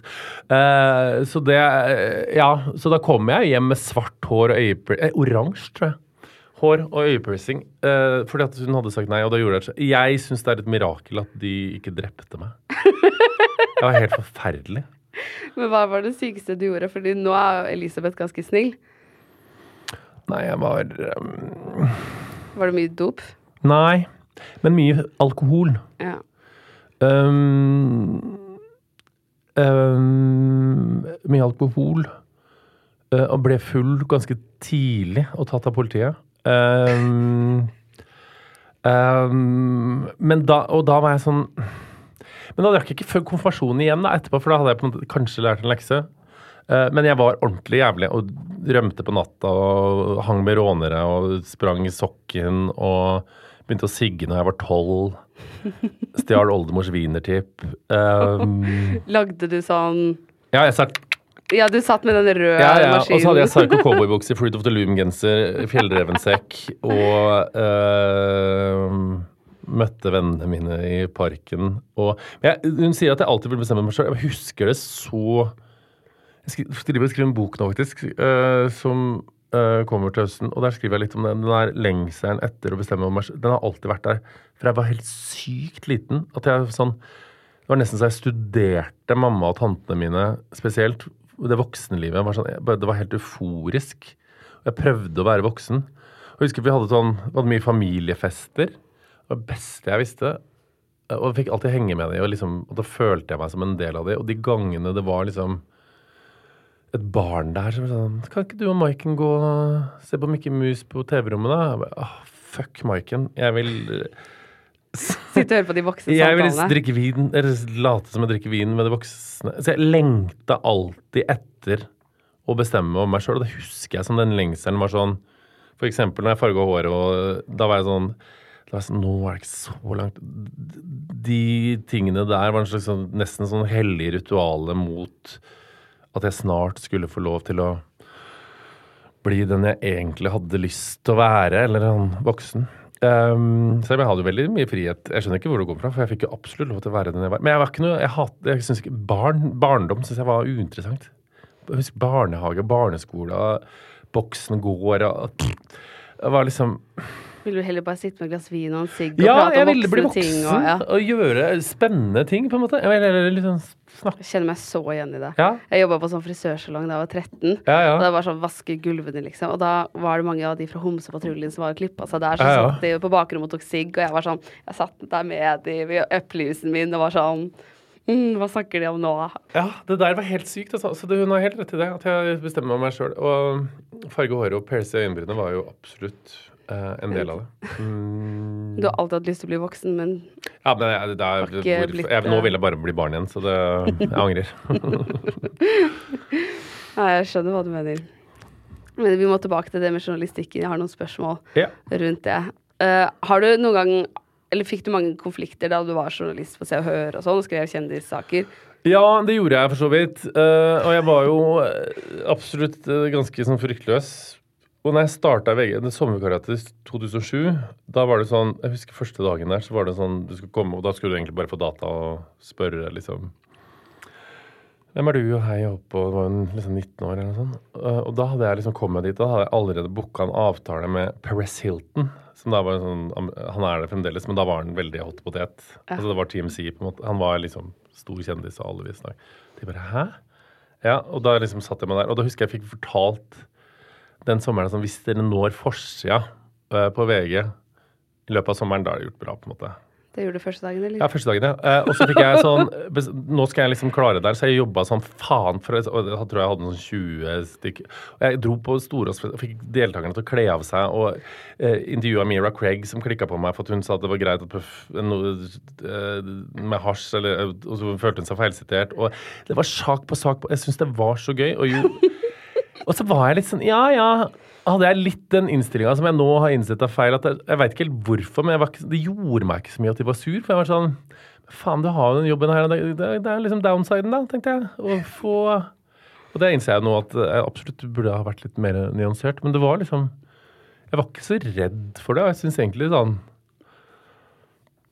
Altså, jeg husker jeg gikk på journalisthøgskolen i Bodø så ville jeg at jeg skulle skrive om en sånn busskur i Bodø. Jeg hadde lyst til å dø. Jeg ville heller skrive om Beyoncé. Uh, så jeg ville heller ringe folk og spørre om de var skilt, enn å ringe kommunen for å spørre hvorfor liksom, skuret var forfalt. Hadde, fikk du aldri angst? Nei. ikke i det hele tatt. De ble jo sinte, da. Uh, jo, litt fikk jeg sikkert, men det var sånn Det var liksom meg og Camilla Bjørn, som nå er liksom toppsjef i NRK, eh, og Markus Husbø, Ingvild Dybfesdal og Trine Saugestad Hatlen, som var liksom, det var liksom Vi jobba liksom i hvert Vi holdt på Det var veldig gøy, syns jeg, og vi hang sammen og Men jeg var sånn Jeg tror aldri at jeg sånn Jeg tror folk tenker at jeg var veldig sånn det var ikke så mange som ble sure på meg, for jeg var liksom så god på å balansere Men noen ble sure, da. Men jeg, det var ganske rock'n'roll, ja. Hvem var det som ble mest sure?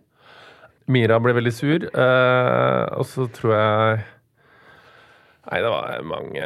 Vibeke Klemetsen ble visst så sur for det sa hun sist i intervjuene for noen skilsmissegreier. Og så var det Det var en seanse Men hun inviterte deg jo i poden sin. Ja da, vi ble venner. Men var, så var det en seanse med Wenche Foss, som er kanskje den aller eh, Den jeg angrer mest på.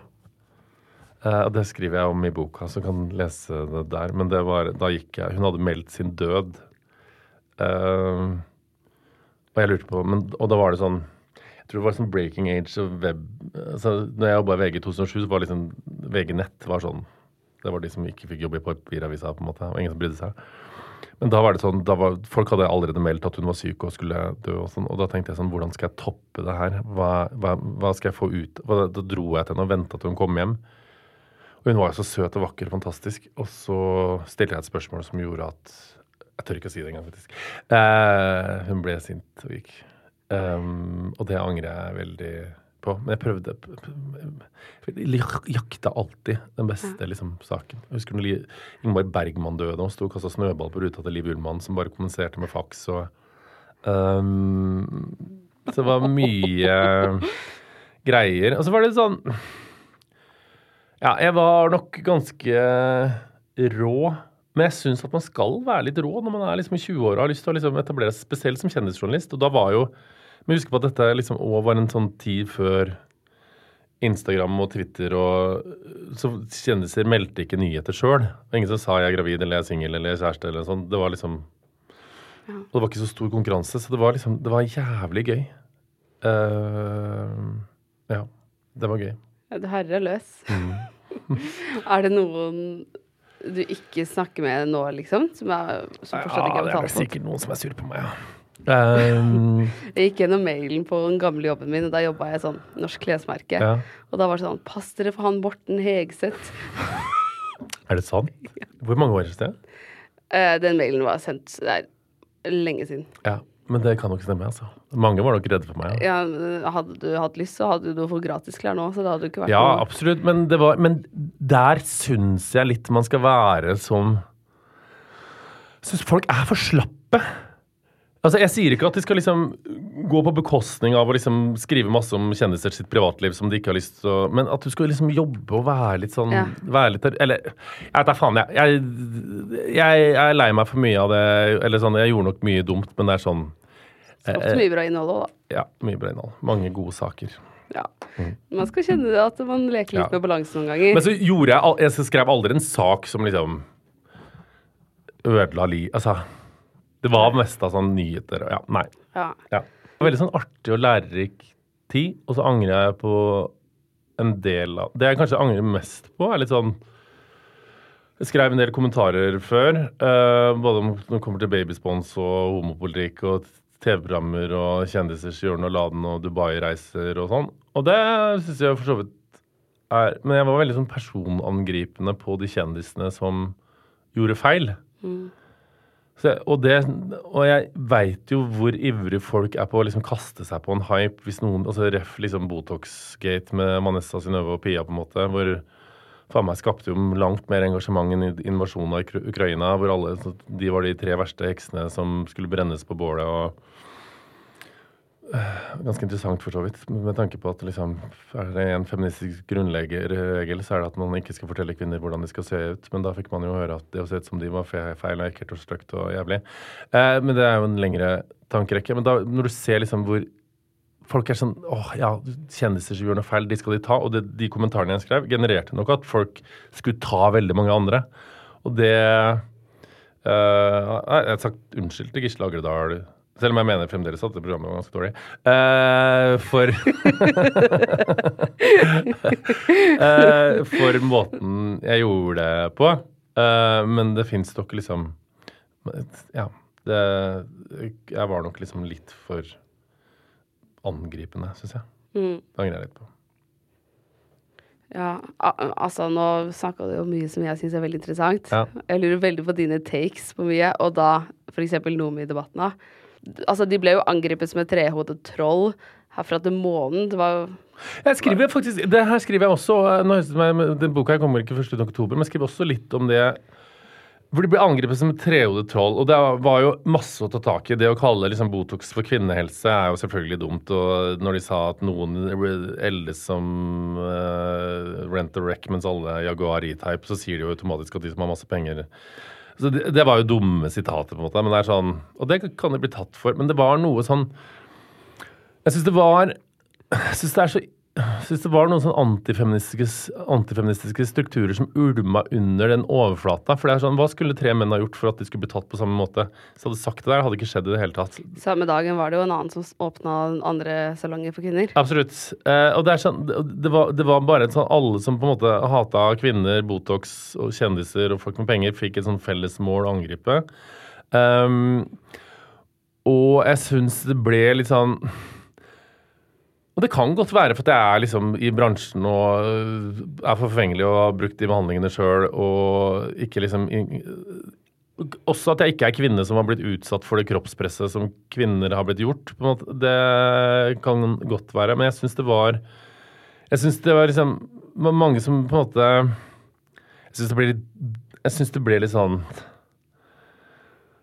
jeg vet ikke, jeg lo altså når folk var sånn, Jeg trodde Norge var et land hvor vi brukte, hadde snø på øyenvippene istedenfor maskara. Sånn, men herregud. Roser i kinnet og Eh, eh, um, Ja. eh, jeg jeg bare syns det var sånn Men herregud. Og så er det jo Det er noe med på ekte, og hvis man ser på liksom kvinnebransjer som skal tas som en liksom skjønnhetssalong Og jeg skrev jo 'flamme, flamme, flamme' på eh, når Pia la det ut på Instagram, så skrev jeg bare sånn 'Dere tre skal åpne salong, gøy'. Og så kom det en pressemelding av dagen etterpå, og da angrep jo folk meg for å være en Altså Det var jo som jeg var landssviker, på en måte. Og det hadde jo ikke noe med den pressemeldinga å gjøre. Men det er noe med at liksom kvinnebransjer skal tas. Det er sånn øh, skjønnhetsgrunn... Altså ikke at kvinner bare er opptatt av skjønnhet og mote, på en måte, men de skal Og det var jo sånn når det var liksom moteuke i Paris, tror jeg, eller jo, det var vel det rett etter invasjonen av Ukraina, så var det jo altså Alle var sånn Fy faen, hvordan kan dere arrangere det? En krig i verden, og så er det bare mote og søm og jåleri, på en måte. Men det var ingen som sa noe når Apple lanserte en ny telefon samtidig, eller et fotballkamp ble arrangert.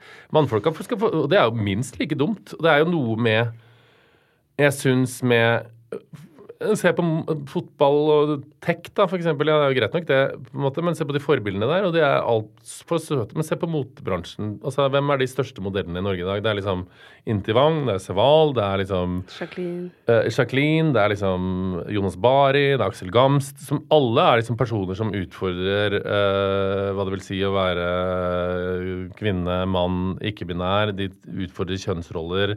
De har uttrykk som eh, gjør at det åpner rommet for eh, hvordan unge mennesker kan være. Og jeg vil absolutt si at de er personer som gir mer frihet og både sett, altså Det er jo liksom setter i gang diskusjoner og utvider rommene for veldig mange av oss. Men jeg vil ikke si at liksom fotballgutter gjør det samme. De er flinke til å spille, men det er ingen av de som jeg har hørt har gått Altså noen er det, men det er ikke veldig mange forbilder når det kommer til kjønn og seksualitet og uttrykk og måte å være menneske på. Så jeg syns at liksom Jeg syns at det er litt sånn enk...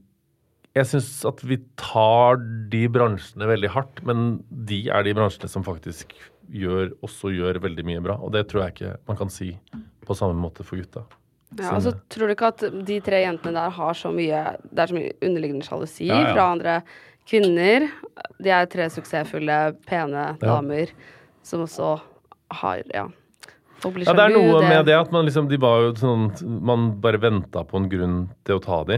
Eh, og så, men jeg syns Noe av det var fornuftig, men jeg syns veldig mye av det som ble kalt feminisme, egentlig handla om å begrense hva kvinner kan få gjøre. Sånn, nei, vi skal ikke si hvordan kvinner skal se ut, det har vi lært, og kvinner skal få Men når de ser sånn ut, da skal vi si at de er stygge og fæle og feil og ødelegge altså, Hold kjeft, da. La damer få se ut som de vil. Og jeg syns at mange av de peneste damene altså, Ingenting jeg syns er finere enn kvinner med langt grått hår, f.eks. Og uh, altså Julianne Moore altså, Ikke at hun har grått hår, men sånn, jeg, jeg syns at de som eldes naturlig, er smellvakre. Men jeg syns ikke det er stygge, de som velger å korrigere det. Eller gjør hva faen du vil, på en måte. Um, Og det syns jeg på en måte, den debatten fortalte oss at det kan du ikke få gjøre. Ja, nei. Noen andre skandaler i gåsetegn, det er jo eh, det med Sofie Elise og Ja. en annen ikke nevnt person. Ikke nevnt person. Eh, Maud Angelica. Eh, Nei, den diskusjonen syns jeg på en måte Jeg kjenner jo Sofie, og det er sånn Altså, det var dumt, og det var punktum, på en måte. Og jeg kjenner jo henne, så det er sånn Selvfølgelig var det dumt å liksom legge ut det bildet og Men det er noe med sånn der òg var jeg sånn Jeg leste så mange leserinnlegg om hvordan skal det gå Altså, jenter blir påvirka av disse, og eh, jenter, hvordan skal det gå? De har så stor påvirkningskraft, og det de sender ut, er at dette er greit, og sånn skal du leve. Og så var jeg sånn Jeg tror de overvurderer litt effekten. Selvfølgelig det er dumt. Altså, intensjonen var jo heller ikke å forherlige bruk av narkotika. Tro, eller det veit jeg at det ikke var. Eh, og så er det, no, så er, er det også noe med sånn når de, jeg leste det, og det var så mange sånn ja, Herregud, jenter, og jeg har en datter, og hun ser dette, og uh, Marte Valle som satt og gråt som det var liksom Hun var i Syria på den debatten på NRK. Så, så, hvordan går det, skal det gå med ungene våre? Sånn, Hæ? Og, det, og det sånn, Men jenter er jo ikke så svake at bare de ser et bilde på Instagram så, Å, nei, gud, skal tisse jeg? Nei, forresten, jeg så Sofie Elise la ut et bilde med en hvit pose. Jeg går og snorter kokain istedenfor. Altså, hva, hva tror de? Og det, det er sånn Og jeg skal banne De artiklene der hadde ikke kommet hvis det var en gutt som hadde posta det. Sånn, hvordan skal det gå med guttene våre? De blir påvirka. Nei, det hadde ingen sagt. Fordi at man tar for gitt at gutter er motstandsdyktige og klarer å tenke sjøl. Og så ser man en situasjon der sånn, jenter nei, de blir så påvirka av dette her at de kommer til å Å nei, nå kommer hele landets tenåringer til å ta overdose. Nei, det kommer til å gå fint.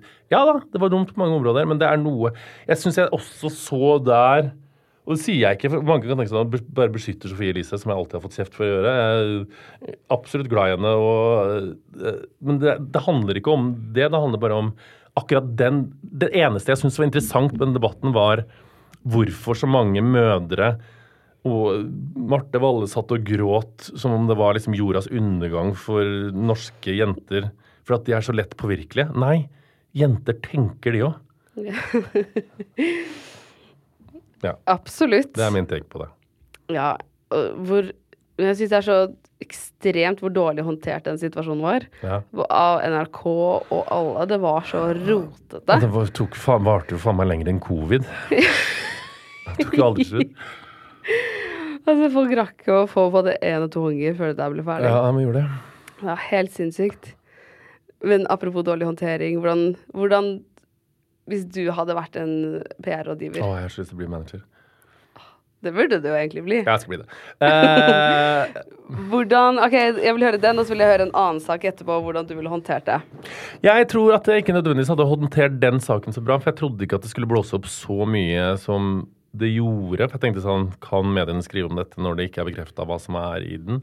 Og det var jo på en måte, Men så gjorde de det etter hvert på grunn av Det var vel på grunn av at NRK kom med en uttalelse. Da kunne Jeg vet ikke. Jeg hadde jeg vet, vet du, Akkurat den syns jeg er vanskelig. Ja. Men hvis du hadde vært rådgiver for NRK Jeg synes, På mange måter syns jeg på en måte at NRK De sto jo ganske lenge i det, og så plutselig gjorde de retrett uh, etter hvert. Og så kom jo den der at de ikke Jeg vet ikke om jeg syns NRK gjorde det sånn kjempedårlig. For at Men de lot jo henne Da hadde du jo avsluttet, avsluttet Ja. samarbeidet, men de lot jo henne komme ut med pressemeldingen før dem. De, skulle, Ja, de lot jo det. henne få et balletak på hele Statskanalen. Ja, og det er jo det at hun klarte på en måte å sette fyr på både monarkiet og Statskanalen på en Instapost. Um, uh, det er fremdeles gøy at de rosa bloggerne har ikke noe makt. Jeg bare Nei. Um, nei, jeg veit ikke. Den syns jeg er vanskelig, Ja. faktisk. Jeg veit ikke hva jeg hadde gjort, jeg. Men jeg hadde kanskje på en måte Jeg tror kanskje jeg hadde det raskere på For den trakk jo ut. Kanskje bare raskere med å bare komme med en uttalelse. Mm. Si sorry. Dette Ja. var det som skjedde. Men så er jo mange involverte her, da. Så det er jo Jeg tror jo at liksom Jeg tror ikke det er nødvendigvis Altså, jeg tror liksom det var Jeg tror NRK tok hensyn. Jeg tror, tror Sofie Elise tok hensyn. Altså, jeg tror liksom Det var mange ting å det, det, det er innmari vanskelig. Mm. Ja. ja, det er Jeg tror jeg hadde snakk, sagt noe litt tidligere, kanskje. Ja. Ja. Ja, for det, det ble jo bare større og større og større. og større, Ja. og større. Ja. Herregud, jeg lurer på hvor mange saker som ble Men skrevet så er det sånn. Skal du si noe tidligere, så må du si noe, og da setter du den andre som ikke visste Altså, ja, nei, den er øh, vanskelig. Ja, det er Sagt sant. noe tidligere hadde jeg gjort. Ja. Eh, hvis du skulle Men det er etterpåklokskap. Jeg tror ikke jeg hadde sagt det da. Ja. Nei, det er sant. Det er jo lett å si noe etterpå. Ja. Men uh, hvordan hadde du håndtert Moxnes-situasjonen med brillene? Nei, jeg trodde jo han var som meg, fjern uten retningssats, som bare satte det på huet og gikk på Men han burde i hvert fall ha sagt noe før. Eh, For den videoen var jo på en måte Da lo jeg så godt, for det var jo så tydelig at han på en måte hadde tatt det. Eh, og min teori er at han Jeg tror at det, er, det å være politiker er som et fengsel, levende fengsel. At det er sånn du, kan, du må gjøre alt riktig, du må følge alle regler. Du må liksom sjekke liksom, skattemeldinga di 10 000 ganger, at du må øh, ikke bruke for mye penger. Altså, du må liksom gjøre alt riktig. Kanskje dette var liksom Bjørnar Moxes måte å leve på? Ja. At han er sånn, Fy faen, jeg må leve som Jeg pleier å stjele noen briller, jeg. Eh, og så har hun gjort det i mange år, at det er hans sånn kick. Så ler han av det. Kommunisten jeg, av de der Hugo Boss-kapitalistene. Kanskje det er liksom Vegard Bjørnar Har sin egen lille hemmelighet, ja, jeg vet liksom. ikke. Kanskje det er Mm. hans liksom det også ligger noe sånn kommunistisk opprør vet, Det var det jeg tenkte først. At er sånn, kanskje prøvde å forklare hvorfor han gjorde det. At det er sånn nesten sånn tvangsmessig handling for å føle seg litt fri, og så samtidig unnskylde det med at det er liksom kapitalister som selger de Altså Jeg vet ikke at det også kan forsvares politisk. Men jeg, altså jeg, han måtte i hvert fall ha prata før. Han er jo sykemeldt fremdeles. Og det er jo bare, men det er jo noe med at han tviholdt på den løgnen om at han på en måte ikke visste at han hadde stjålet det. Så kom den videoen, og han burde jo ha skjønt at den videoen fantes, og at den kunne lekke. Så han burde altså, Si noe før, men så er det så vanskelig når du står i stormen. da, For et helvete. Men det er sånn Det er et par fuckings solbriller, på en måte. Uh, ja, jeg la de der. Herregud, jeg fikk helt panikk, og sånn reagerte jeg. Uh, jeg syns synd på han, uh, men snakka før, ja. Mm. Det var jo den videoen som forandra alt. da. Altså Hadde ikke den kommet, så hadde jeg tenkt sånn Ja ja, selvfølgelig var han bare Sose-Mikkel som bare tok det med seg. Ja, ja. Hadde du levert det tilbake hvis du hadde oppdaget at du hadde Ja. gått ut? Ja, du hadde det. Ja, ja, ja. Er du gæren? Det hadde jeg gjort, ja. Jeg vet ikke hva jeg hadde gjort, jeg. Eller Men Nei, men han Hvis jeg hadde kommet ut på gaten og vært sånn Oi. Jo, jeg hadde gått tilbake med det. Ja. Ja. Ja, ja. Nei, jeg veit ikke. Jeg vet ikke. Nei, vet du hva, jeg veit ikke. Jeg hadde sikkert tatt det, jeg òg. Pleide å se boller på 7-Eleven en gang i en periode da jeg var full. Jeg syns det var artig. Um, Ja, jeg har stjålet ting i mitt liv, jeg òg. ja, ja, en gang så ble jeg tatt for å spise smågodt mens jeg fylte smågodtposen og måtte komme inn på kontoret til sjefen. Ah, det var helt jævlig. En jeg kjenner, Ja. hun uh, hadde tatt noen nøtter, bare sånn. Hun ble stoppa av noen vekter, ble tatt for stjeling. Ja, ja. Måtte inn, og hun får aldri komme tilbake på CSVS igjen. Fy faen. altså Det er det samme som jeg gjorde. Bare at jeg ble tatt inn på kontoret og fikk kjeft. og Jeg var såpass ung som at jeg, nei, nei, ja, Det var helt krise. Og jeg spiser fremdeles godteri når jeg fyller Spangottposen. Jeg gjør Det det er sånn tvang. Det er, kanskje det er det? Det er tvangsmessig. Det er tva hver gang jeg fyller kontoret, så sniker jeg alltid en sjokolade inn, og så spiser jeg den. Sniker du den inni Ja, ja. Inni Sånn, så legger jeg den sånn, og så spiser jeg uh, Smarties, og så Nei, faen, dette er dumt å avsløre. Så jeg tar alltid én eller to godterier. En liten sånn Ja. Men blir det mer og mer? Nei. Etter hvert er Nei, det det, det er nei. Og så er jeg sånn Det er jo veldig Det er ikke alltid, men det er jo sånn alltid, Jeg er så sosete også. Når jeg fyller den godteriposen, så mister jeg alltid noe på gulvet. Ja. Så jeg sånn, "Pff, jeg Det er det samme. Kunne ha mistet på gulvet i stedet. Litt svidd må de regne på. Ja, er du gal? Selvfølgelig må de det. Um, men du, du har jo snakka om en ny bok. Vil Ja. du si hva den heter? Ja, jeg tror jeg kan si Jeg, jeg tror det sto i Det heter for Mister Hell, og det er jo veldig rart, men det er fordi at jeg vant eh, en misse Når Mona Gruth vant Miss Universe i 1994 Hun er fra Stjørdal, hvor jeg er fra.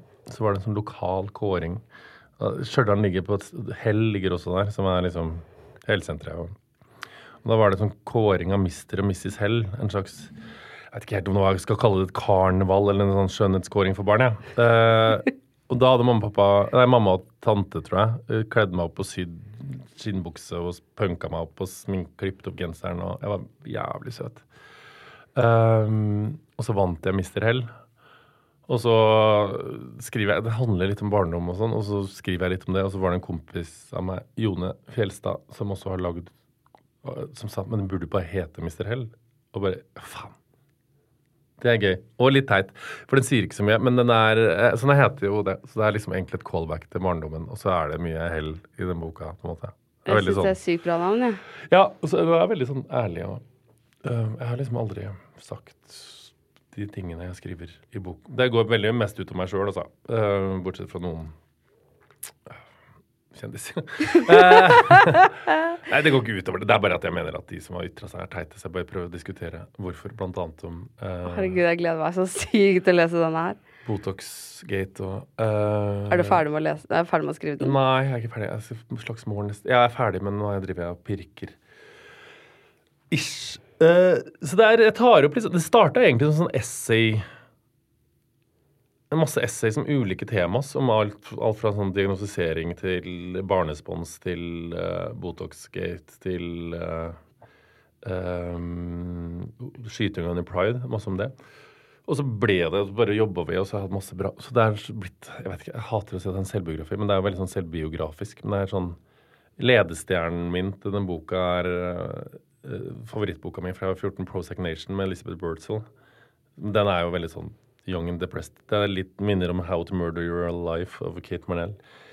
Det er litt samme oppbygging, men alle tekstene er med utgangspunkt i å prøve å si noe om noe. Så det er ikke bare sånn selvutlevering for selvutleveringas skyld. Og jeg vil bare, Du sa forfatter her. det er altså jeg, Du har jo skrevet Dette er din andre bok. ja, men det er, jeg, kjenner, jeg har venner som er forfattere, og kjenner så mange forfattere som skriver og skriver og skriver, og som i, ikke får noe medieoppmerksomhet fordi at de er forfattere. og ikke, altså får, liksom folk som er i media, kasta bokkontrakter etter seg og oppmerksomhet. og Jeg, altså, jeg hadde jo drept eh, alle influensere som kaller seg skrivebok og kaller seg influenser. Eh, nei, forfatter. Um, så det, jeg vil ikke si jeg er det. Uh, men Hva eh, vil du kalle deg selv, da? jeg vet ikke, skriv, skribent, skriver, skri, skribent Nei, veldig usexy. Uh, jeg vet, kanskje skriver noen bøker, da. Samtidig som jeg. Jeg er veldig spent på det her, for det er veldig sånn Ja, den er veldig, veldig, veldig sånn Veldig det er kanskje de to Når jeg skrev 'Tine og det magiske speilet' som er liksom egentlig en bok som handla om da vi flytta fra Trondheim, og hun, hun jeg til, til, så skrev vi den fordi hun var veldig lei seg for å flytte, og så trengte hun hun Venninna mi, Mina Martine Lystad, har en veldig fin bok som heter 'For Alfred vil ikke lese høyt', eller noe sånt. Det var en sånn veldig ung barnebok om at han ikke vil lese høyt for klassen, og så måtte han gjøre det, og så ja, går det bra. Og så sa han at jeg kunne bare ønske at det fantes en bok om en jente som skal flytte til, fra Trondheim til Oslo. Altså, det kan vi løse. Så vi skrev den på en uke. Så det var veldig sånn lite egoistisk motivert. Og det er egentlig boka er òg. For det var sånn, jeg hadde bare sånn så var, gikk til en psykolog, og så um, sa han du begynne å skrive, liksom. Kanskje du forstår bedre. Og så begynte jeg å skrive egentlig bare for å forstå meg sjøl litt. Så det kom Å skrive bøker er nok de to tingene som er liksom Det er de minst på en måte iscenesettende tingene jeg Det er mer, mer sånn nesten som det kjennes ut som et sånn behov, på en måte. Men du har jo snakka litt i poden om at du har lyst til å skrive bok lenge. Ja, jeg hadde lyst til det lenge, men jeg har liksom aldri fått Og så bare eh, sprakk, fikk jeg liksom Starten på det. Ja. Og så begynte jeg å skrive, og skrive. Og det er jo det verste Jeg, altså, jeg og Sofie Elise snakka om det her om dagen. At eh, det å skrive bok burde være samfunnsstraff, på en måte. Det er så jævlig. Um, er så jævlig. Fy faen. Det er liksom Å, fy faen, det er så slitsomt. Uh, men uh, Ja. Men uh, jeg tror det blir bra. Og ja, hvis det ikke blir bra, så Åh, gud. Ja. Det vi får se. Hvor lang tid har du brukt? Halvt år. Oh, shit. Det er ikke så lenge, da. Nei, det er ikke så lenge, men jeg har jobba jævlig intensivt. Ja. Jeg har ikke noe fri. Jeg stått opp seks på morgenen og jobba alle påsker og alle helger og Ja, det Men klarer du å være inspirert klokken seks om morgenen? Ja, veldig. Oi. Helt sykt. Beste tida å skrive på. Nå har jeg blitt, det er mitt nye høstforsett, morgentrener. Så nå står jeg opp seks og trener. Oi. Og For gå tur med Olaf. Ja, etterpå. Så da går jeg tur med han halv åtte. Men jeg klarer å skrive på morgenen, ja. Uh, men jeg kjenner at sånn, dette her er jeg ganske sånn spent på. Men det tror jeg blir art, det blir artig, da. Og så litt sånn meninger og litt sånn levd liv og tanker og egen baling med eget hode og Jeg fikk jo se forsiden. Ja, Den var helt sinnssyk. den er ganske syk. Ja. Og du har jo på deg en fantastisk krone. Ja, det er på krona til Miss Universe herself. Eh, Mona Gruth. ja, Art Direction var Jone lagde, og det var på det bildet så er det bilde av CK90s-modell, Courtney Love, Kurt Cobain, Miss Universe.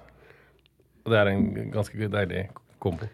Ja, det føler jeg egentlig er liksom personligheten din. Ja, det var veldig artig. Så det, var, det blir kult. Det, kommer, det er fornøyd med det coveret der, altså. Men jeg er veldig spent. Jeg, blir helt sånn for noia av å tenke på det.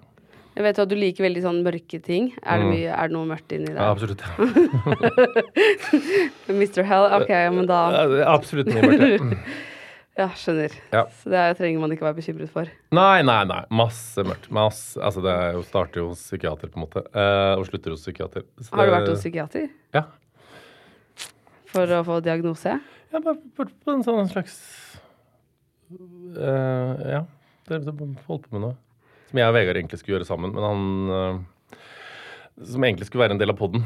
Um, så jeg gikk til Pål Viktor på Volvat, og da uh, For vi, jeg, jeg fikk litt sånn hetta over at liksom nå Nå er det ganske kjedelig, liksom. Nå må vi gjøre noe for å liksom få den poden i gang. Og så har vi snakka så mye om opp og ned og La oss finne ut hva som feiler oss, da. Så jeg booka liksom utredning for oss begge. Og når dagen kom, så droppa jo han det, for det Jeg jo ikke alltid man vil ha de svarene. Nei, og han sier, ler jo av det sjøl. Han sier han og jeg er jo venninna som står på timeteren og puffer, sier nå hopper vi på 1, 2, 3, og så hopper, vi- puffer den andre og spør om vannet er kaldt. Uh, så det gjorde jeg aleine. Så det var spennende. Fikk du noen diagnoser? Det, er det, er- det, er- det, kommer i denne boka. Svaret teaser med den boka. Altså, spennende. Mm. Ja, det var jævlig spennende. Ja, Nå må vi jo lese den. Ja. Du har jo snakka mye om at det kanskje var noe ADHD. Ja, det kan være, altså. Kan være. Det kan være noe som ligger der. Men er du klar for en spørsmålsrunde? Kjør. Ladies and gentlemen. Instagram spørsmålsrunde. Instagram spørsmålsrunde. Hva pleier du å gjøre når du har ferie? Være på hytta. Når blir det ny sesong av Love Island Norge? Trenger det asap. Kanskje før du aner. Hæ? Er det det som er det nye prosjektet du sa du trengte klær til? Nei, altså det Jeg vet ikke. Så det, er, så det kommer kanskje, da. Kanskje. Eh, blir du noen gang sliten? Om så, hva gjør du da? Mm, da Jeg er ganske dårlig på Jeg blir sliten, og da merker jeg det for seint. Og så går jeg til psykologen og sier at jeg ser lysglimt, og går til legen og tar alle tester. For jeg tror jeg har kreft, aids og fått ME. Hvor mange ganger har du sjekket deg for kreft? Å, mange. Har Ja, ja, ja, og jeg har sjekket meg for aids mange ganger, selv om jeg er litt monogamt for. Altså, det er sånn, jeg hit eh, Klippekort på Ålvat og Ja, ja. Det er ikke noe stress på. Det, er, det skjer mange ganger. Ja. Hvor mye penger tror du du bruker i året på helse? Å, fy faen. På helse? Ja, altså Ikke sånn vitaminer, men jeg mener sånn Eller jo. Um, ikke på vitaminer og sånn, men mye på sånn Volvat og Ja, det Jeg vet ikke. Um, nå tok jeg en koloskopi akkurat for å sjekke meg for tarmkreft. Det var ganske dyrt. Um, Ja, det er dyrt.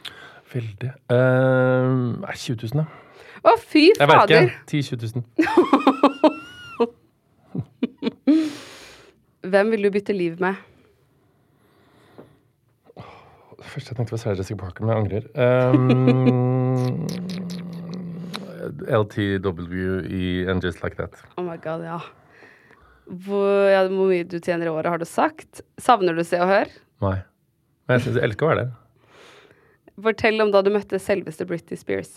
Uh, ja, det var veldig spesielt, fordi at hun hadde sånn hun, Jeg og hun satt, og så var det kamera der, og bak der satt det 20 mennesker som så på henne. Og så var hun veldig usikker, så hver gang hun så, så så hun dit, og så nikka de ja eller nei. Og så spurte jeg et spørsmål som var utenfor arket, som jeg ikke skjønte. Og da sa de 'cut the interview', og så trua de med å destruere dem, og så fikk jeg det til slutt. Å, fy fader. Mm. Kan du bli sur på journalister for noe du gjorde selv som journalist? Uh, ja, absolutt. Hva da? Kjedelig spørsmål. Å ja. Du har stilt ett kjedelig spørsmål. Har jeg? Mm. Jeg tenkte akkurat tanken. Hva var det? Var det vanskelig for deg å vokse opp på Stjørdal som homo? Det spørsmålet hater jeg. Gjør du? Ja, men det er bare fordi at Nei, men det er bare fordi at jeg har Jeg tror jeg hater det fordi at jeg, har, jeg sier det samme hver gang. Jeg hater å si det samme. Ja, jeg skjønner det. Ja. Et kjedelig, men ellers strengkast ti. Er det sant? Mm. Ja, det var bra. Vi kunne, det kan ikke være helt perfekt heller. Ja, nei. Mm, og så kan jeg bli Nei, ja, nei, det er sjelden. Jeg var i bryllupet til Linnea Myhre, og der snakka ingen med pressen. Uh, og det blir Altså, det dummeste jeg har sett i mitt liv, var eh, kjendisene som gikk forbi på Vanessa Ruor sitt bryllup, og så ingen kommentarer. Ah, fy faen.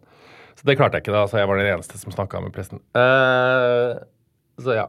Ja, for det er sånn Nei, ingen kommentar. Det, Nei, det orker jeg ikke. det, kan, det kan være litt Nei, kleint. jeg er enig. Hva er det slueste du gjorde som journalist for å få en sak? Jeg ringte. Det var da kjendis-DJ-er ble oppfunnet. Og så var det sånn Hank von Helvete og Mariann Rosa og sånn leies ut som kjendis-DJ. Så visste jeg at hvis jeg ringte og sa jeg fra, fra VG, så ville de si en annen pris. Så jeg ringte, opprettet en mail som var sånn Runar Thorsen at gmail.com og sa at jeg skulle ha 40-årslag for å få prisen. da fikk jeg prisen, så da ble det forskjell.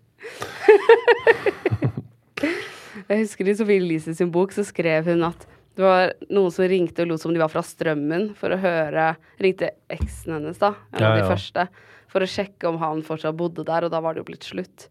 Og da ble det Ja, sagt. ja, ja, nei, nei. Masse sånne ting. Altså det, så det, men det var det første jeg kom på. Ja. Så kjedelig spørsmål, det er det verste du kan gjøre som journalist.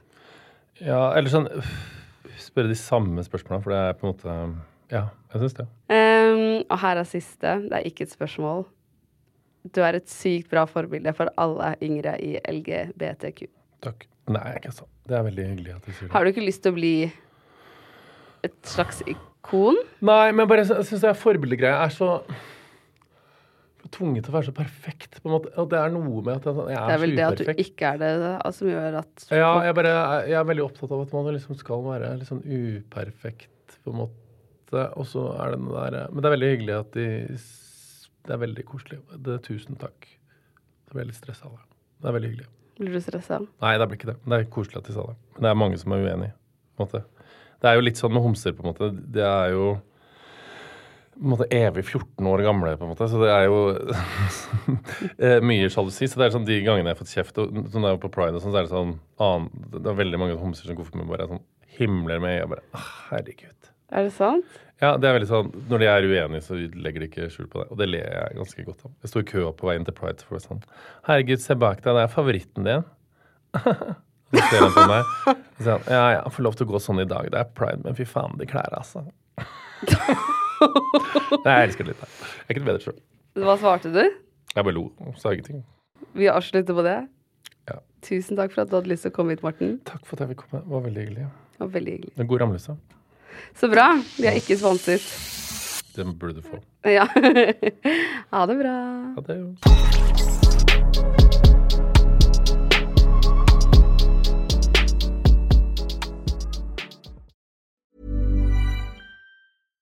This message comes from BOF sponsor eBay. You'll know real when you get it. It'll say eBay Authenticity Guarantee. And you'll feel it. Maybe it's a head turning handbag, a watch that says it all, jewelry that makes you look like the gem, or sneakers and streetwear so fresh every step feels fly. eBay gets it. So look for the blue check mark next to that thing you love and be confident that every inch, stitch, sole, and logo is checked by experts. With eBay Authenticity Guarantee, you can trust that feeling of real is always in reach. Ensure your next purchase is the real deal. Visit eBay.com for terms. Even when we're on a budget, we still deserve nice things. Quince is a place to scoop up stunning high end goods for 50 to 80% less than similar brands.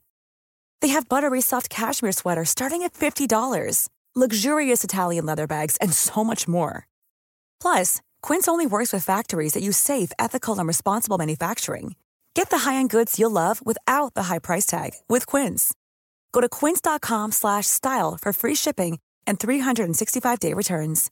Imagine the softest sheets you've ever felt. Now imagine them getting even softer over time. That's what you'll feel with Bowl and Branch's organic cotton sheets. In a recent customer survey, 96% replied that Bowl and Branch sheets get softer with every wash. Start getting your best night's sleep in these sheets that get softer and softer for years to come. Try their sheets with a 30-night guarantee. Plus, get 15% off your first order at bowlandbranch.com. Code BUTTERY. Exclusions apply. See site for details.